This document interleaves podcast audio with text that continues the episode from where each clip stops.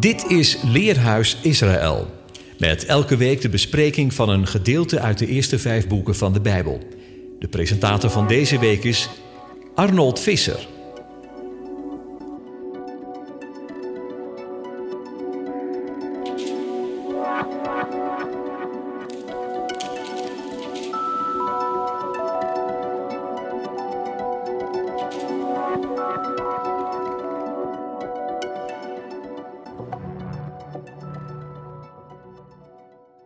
Luisteraars, hartelijk welkom bij weer een uitzending van het Leerhuis. Shabbat Shalom.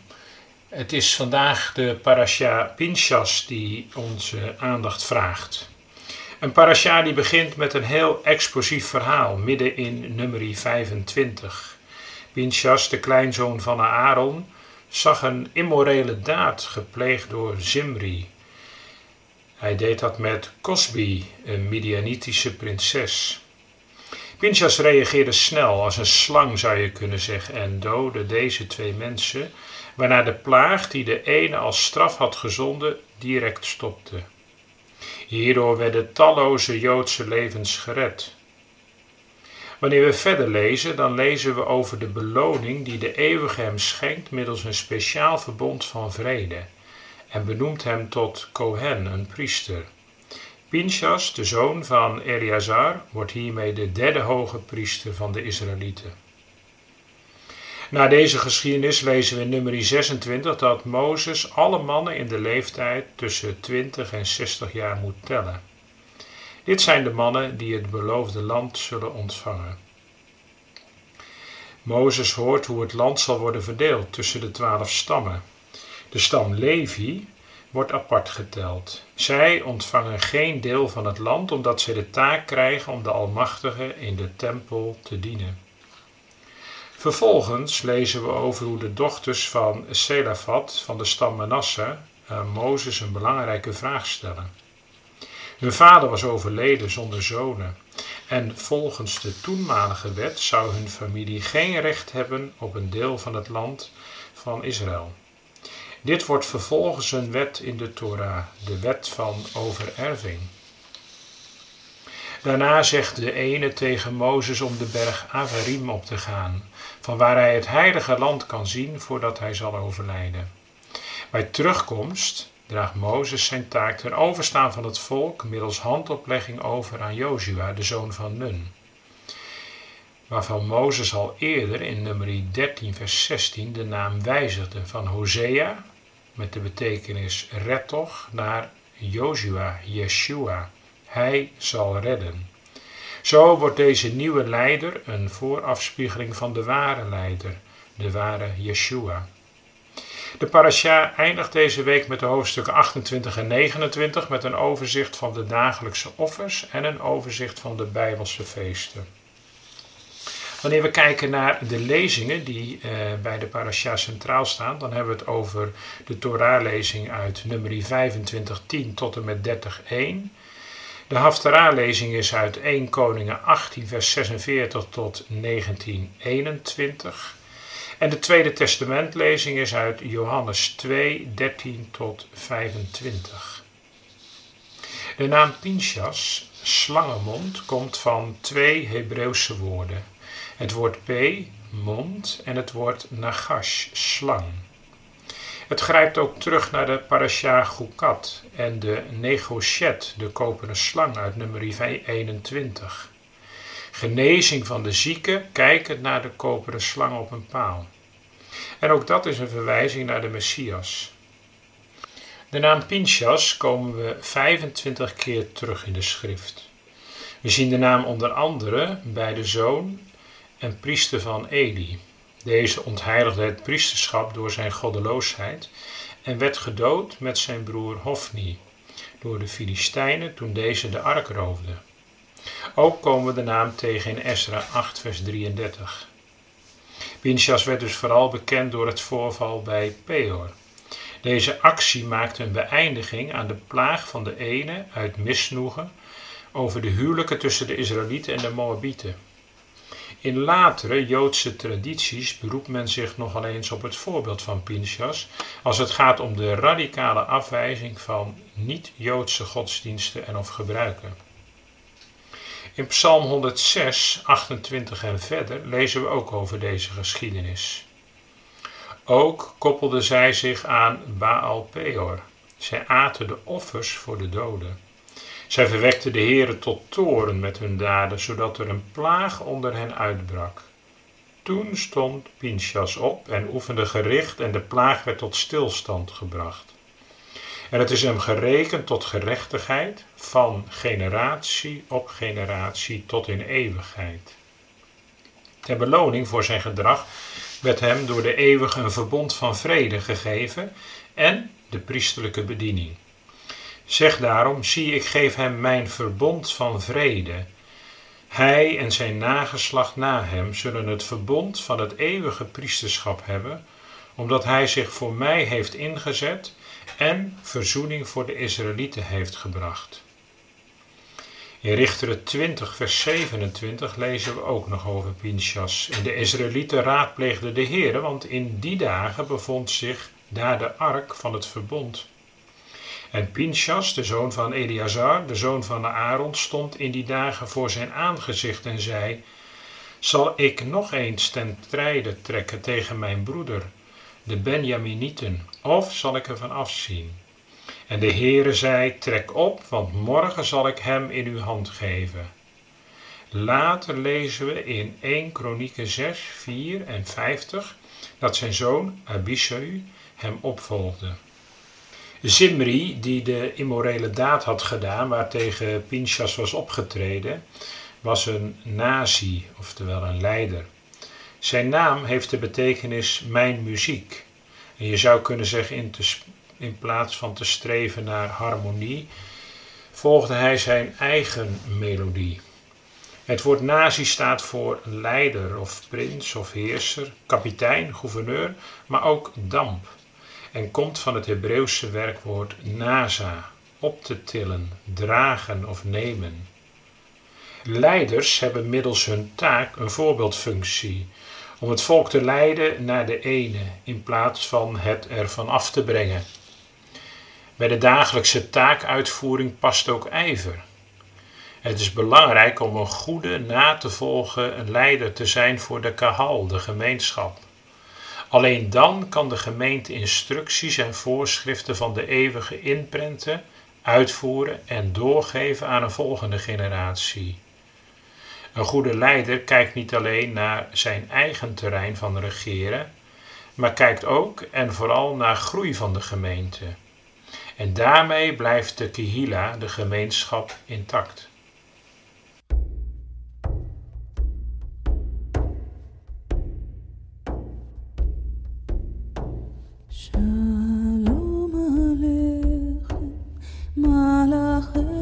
shine.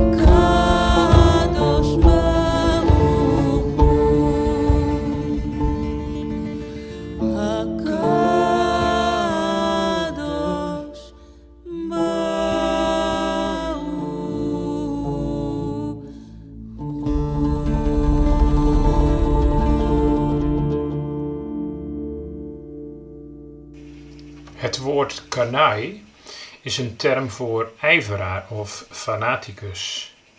Het betekent dat iemand ijverig is voor de ene. De eerste kanai die in de Tenach wordt genoemd is Pinchas. Pinchas werd beloond door de Heer voor zijn ijver omdat hij niet handelde uit haat of voor enig persoonlijk gewin.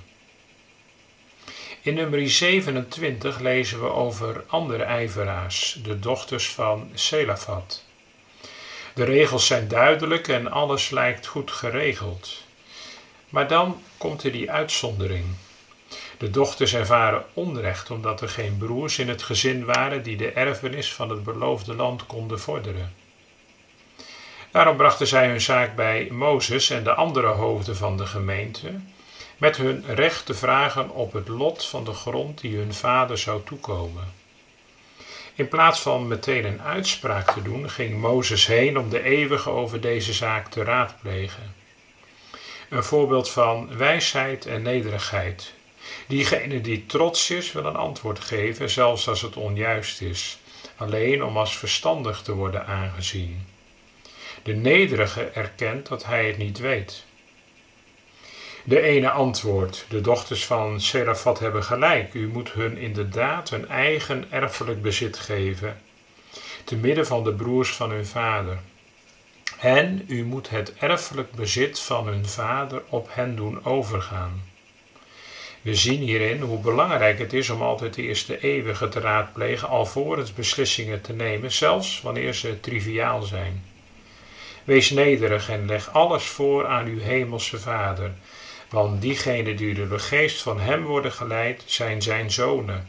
Dat lezen we in de Romeinen 8, vers 14.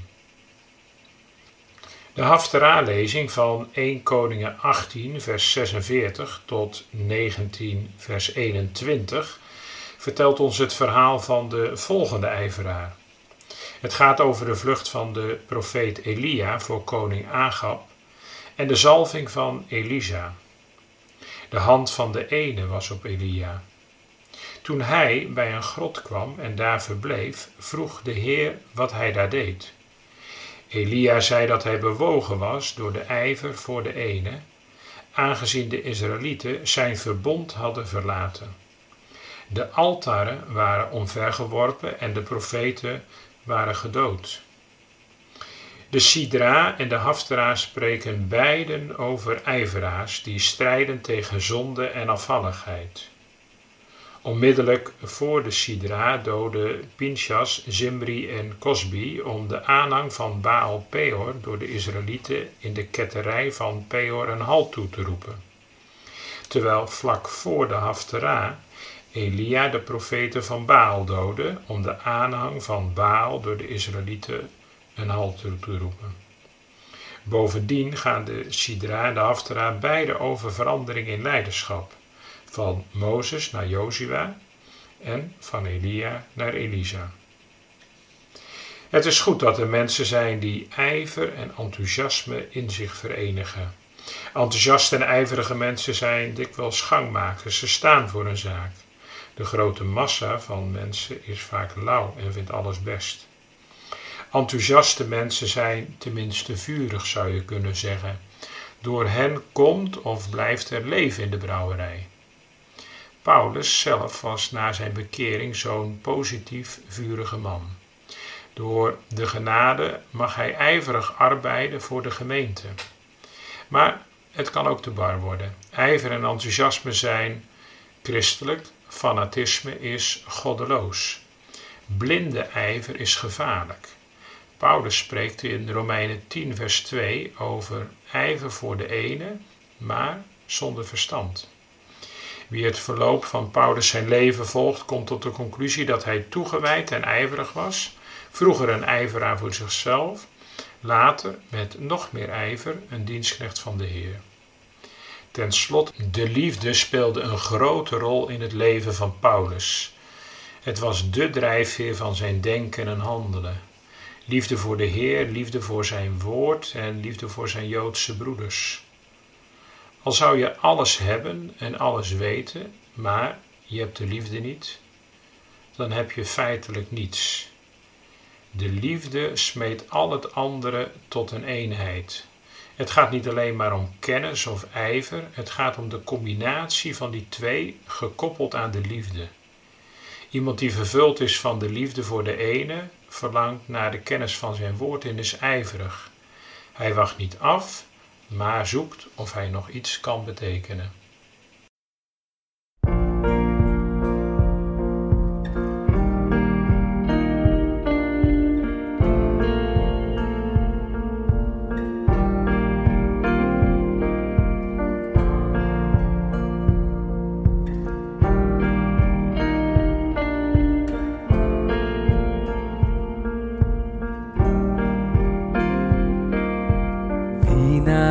Opzien, stralen van vreugde. Zij gaan de schaamte voorbij. Hen wordt gegeven om in dit leven in uw nabijheid te zijn.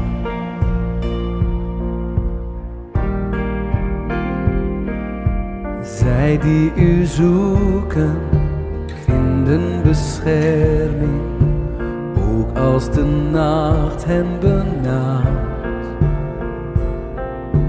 Uw licht zal schijnen, zelfs in het duister, zien zij uw liefde en trouw. U tilt mij op, Heer, hoger weg van waar was. U trekt mij dichter naar waar ik hoor, hier aan uw vaderhart.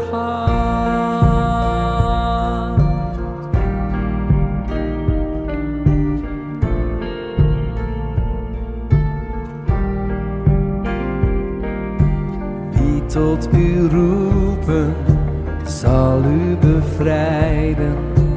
U luistert naar hun gebed.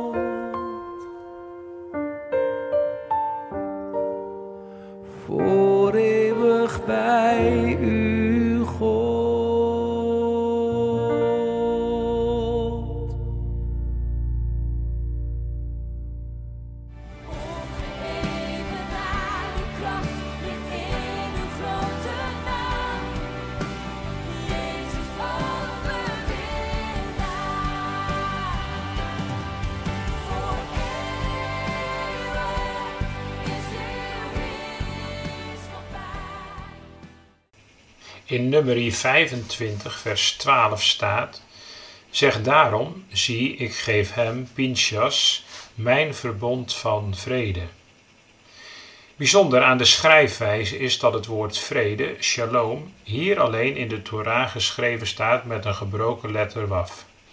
De getalswaarde hiervan is 6, synoniem aan het getal van de mens die op de zesde dag is geschapen.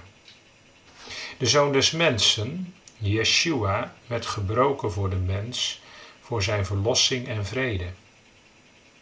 Shalom wordt vaak vertaald met vrede. En het woordenboek noemt vrede het tegenovergestelde van oorlog. Maar het betekent veel meer. Ons woord vrede komt uit het Grieks of het Romaans en dat betekent eirine of pax. Dat zijn woorden die veel meer de betekenis hebben van een periode tussen twee oorlogen. Of vrede meer als verdrag, iets wat je sluit wanneer het mis is gegaan. Vrede is maar een van de vele betekenissen die het woord shalom heeft. Het komt van de werkwoordstam shalom en dit staat voor heel zijn, compleet, volkomen, gaaf, gezond, billijk, betrouwbaar, solide, hersteld.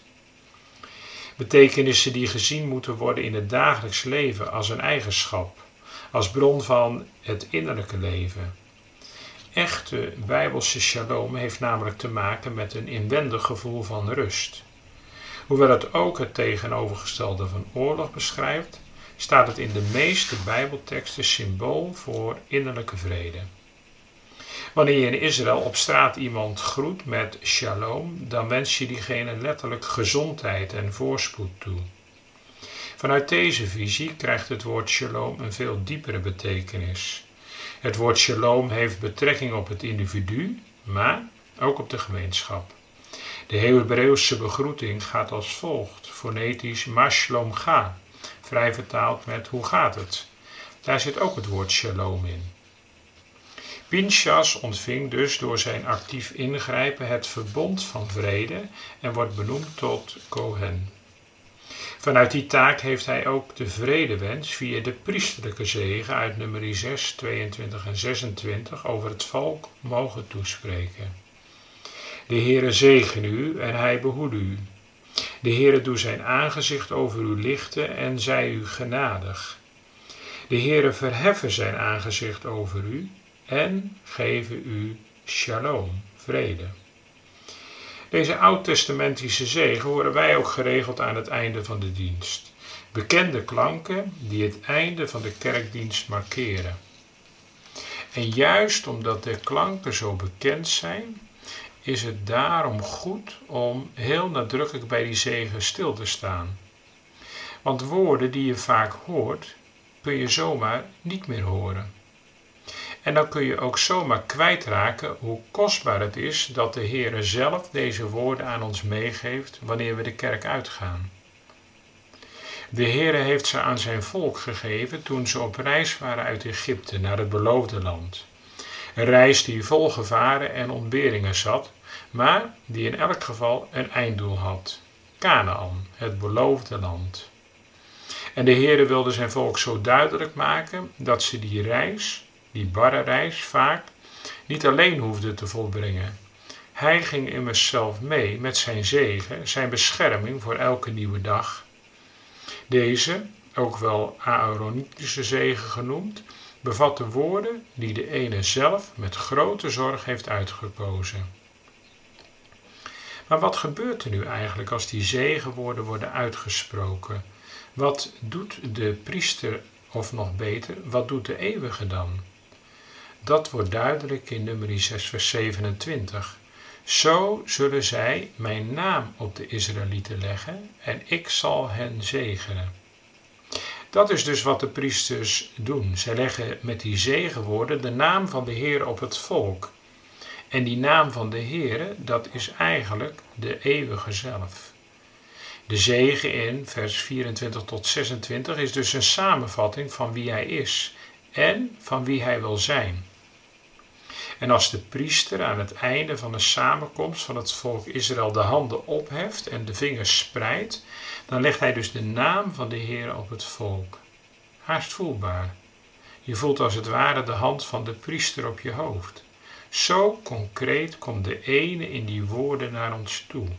Hij verbindt zijn naam aan ons leven. En van deze zegenwoorden mogen we dan ook heel in het bijzonder geloven dat daarin gebeurt wat er gezegd wordt. Het zijn geen loze klanken, het is geen ritueel spel met woorden. Ze zijn als de regen die de aarde vochtig maakt en daardoor vruchtbaar. Er gebeurt wat door die regen. Zo zegt de Heer in Jesaja 55, zo zal ook het woord dat uit mijn mond uitgaat zijn. Het zal niet leeg tot mij weerkeren, maar het zal doen wat mij behaagt en het zal volbrengen waartoe ik het zend. En als die woorden dus klinken aan het einde van de dienst, dan gebeurt er iets bijzonders, iets kostbaars. De Heere zegent zijn kinderen met zijn naam. Hij legt die naam op hen, tastbaar haast, heel echt. We krijgen allemaal samen en ieder persoonlijk te horen: Ik, de Heere, heb het goede met je voor. Ik ga met je mee in mijn naam. En in die naam is bescherming, genade en shalom. Dat is het karakter van de zegen. Het zijn niet maar woorden, het is de ene zelf die het woord neemt en zegt: Ik verbind mijn naam aan die van jullie. Ga maar weer naar huis in mijn naam. Ga in vrede. Wanneer we kijken naar de vorm van de zegen, dan valt daar veel over te zeggen. Het zijn drie hele duidelijke zinnen. Zo wordt ook drie keer de naam van Yahweh genoemd. Elk tweede woord van de zin. De eerste zin bestaat uit drie woorden, de tweede uit vijf en de derde uit zeven. De zinnen worden dus steeds langer. Een aanzwellende golf van zegenende woorden. De zinnen worden intenser en voller.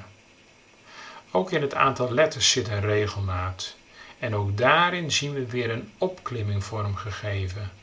Alles werkt, om zo te zeggen, naar het hoogtepunt van deze zegenwoorden. Het laatste woord in de derde zin, shalom, vrede. En dat laatste woord van de zegen is uitgerekend het eerste woord waarmee Yeshua naar zijn opstanding, naar zijn discipelen toekomt. Het eerste wat hij zegt, vrede, zei u. Hij zegent zijn discipelen met zijn vrede.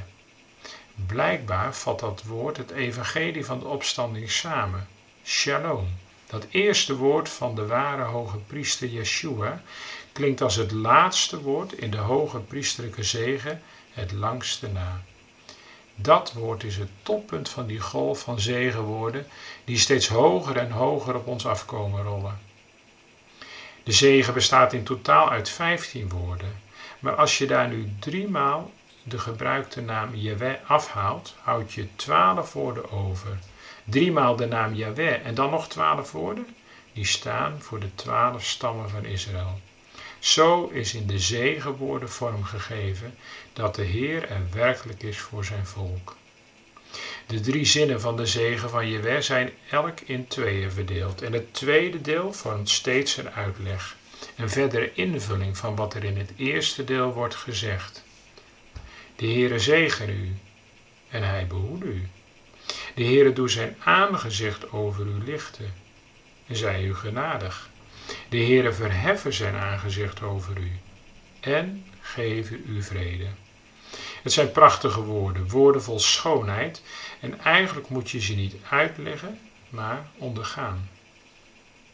In de eerste zin daalt de zegen van de Heere vanuit de hemel neer op zijn volk. Die zegen betekent in de Bijbel vaak heel concreet voorspoed en gezondheid, geluk en rijkdom. In die zegen gaat het om de goede gaven van de Heer. Je zou het zo kunnen zeggen: in de zegen van Hem zie je Zijn goedheid in actie. Hij is goed voor Zijn kinderen en dat wordt concreet in de bescherming die Hij geeft. Hij behoedt zijn volk op al hun wegen en beschermt zijn volk tegen allerlei vormen van kwaad. Dat kan hij, want hij is Yahweh, de Almachtige. Zo daalt in de eerste zin zijn goedheid op ons neer en mogen we ervaren dat hij met ons is. In de tweede zin kijkt hij ons aan. Zijn aangezicht licht over ons, staat er. En wat dat betekent, wordt het duidelijkst als je denkt wat het tegenovergestelde is van een aangezicht dat over ons ligt.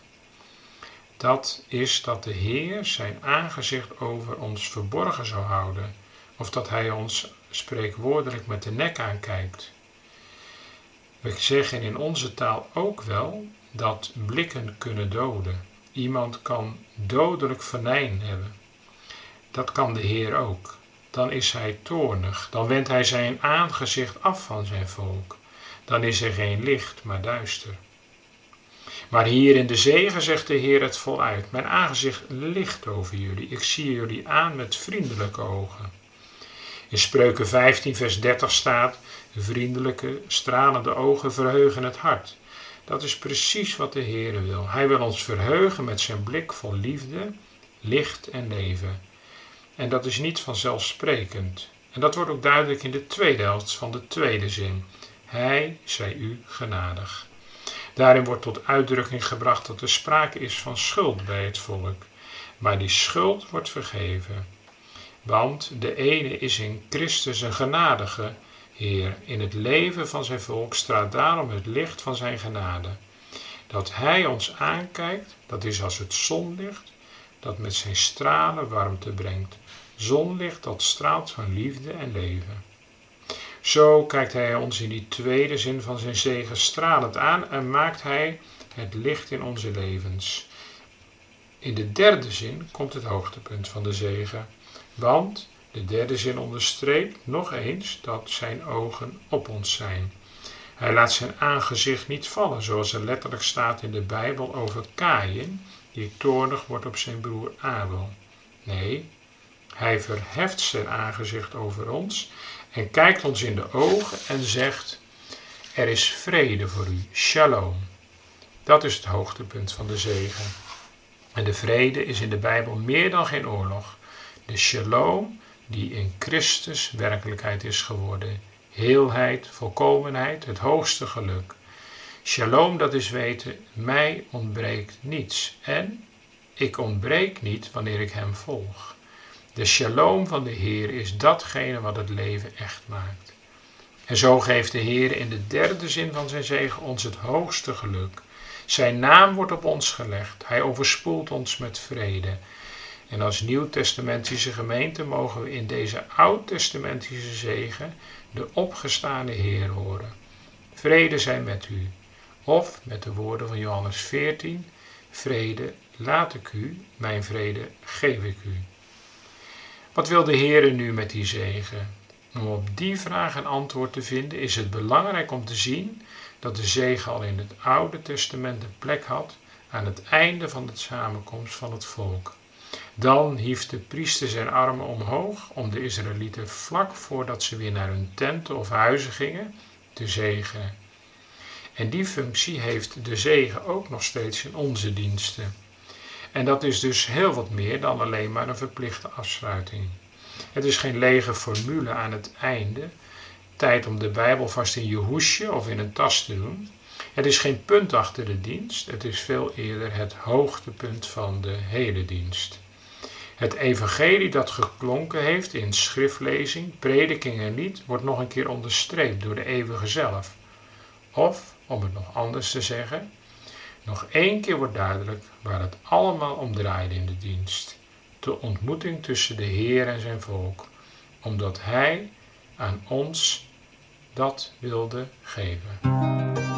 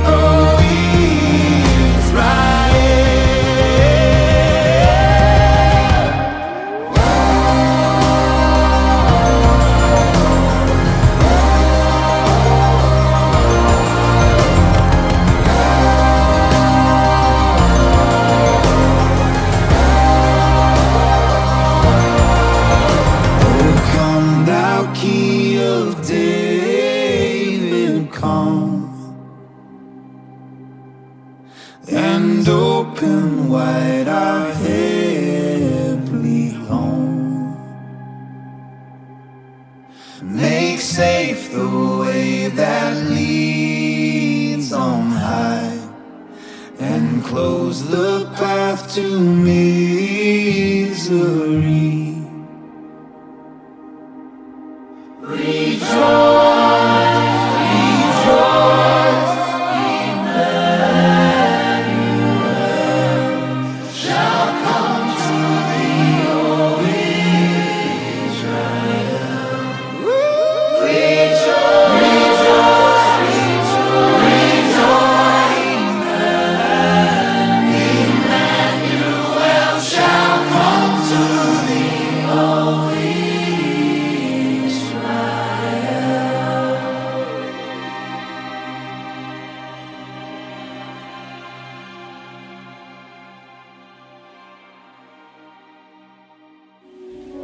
Luisterde naar het programma Leerhuis Radio Israël. Een wekelijkse studie aan de hand van de Bijbelgedeelten die wekelijks door de Joodse gemeenschap worden gelezen. Heeft u een vraag of opmerking? Stuur dan een e-mail naar info radioisrael.nl. Het leesrooster vindt u op onze website. Ga naar radioisrael.nl en klik onder het kopje radio op programma's.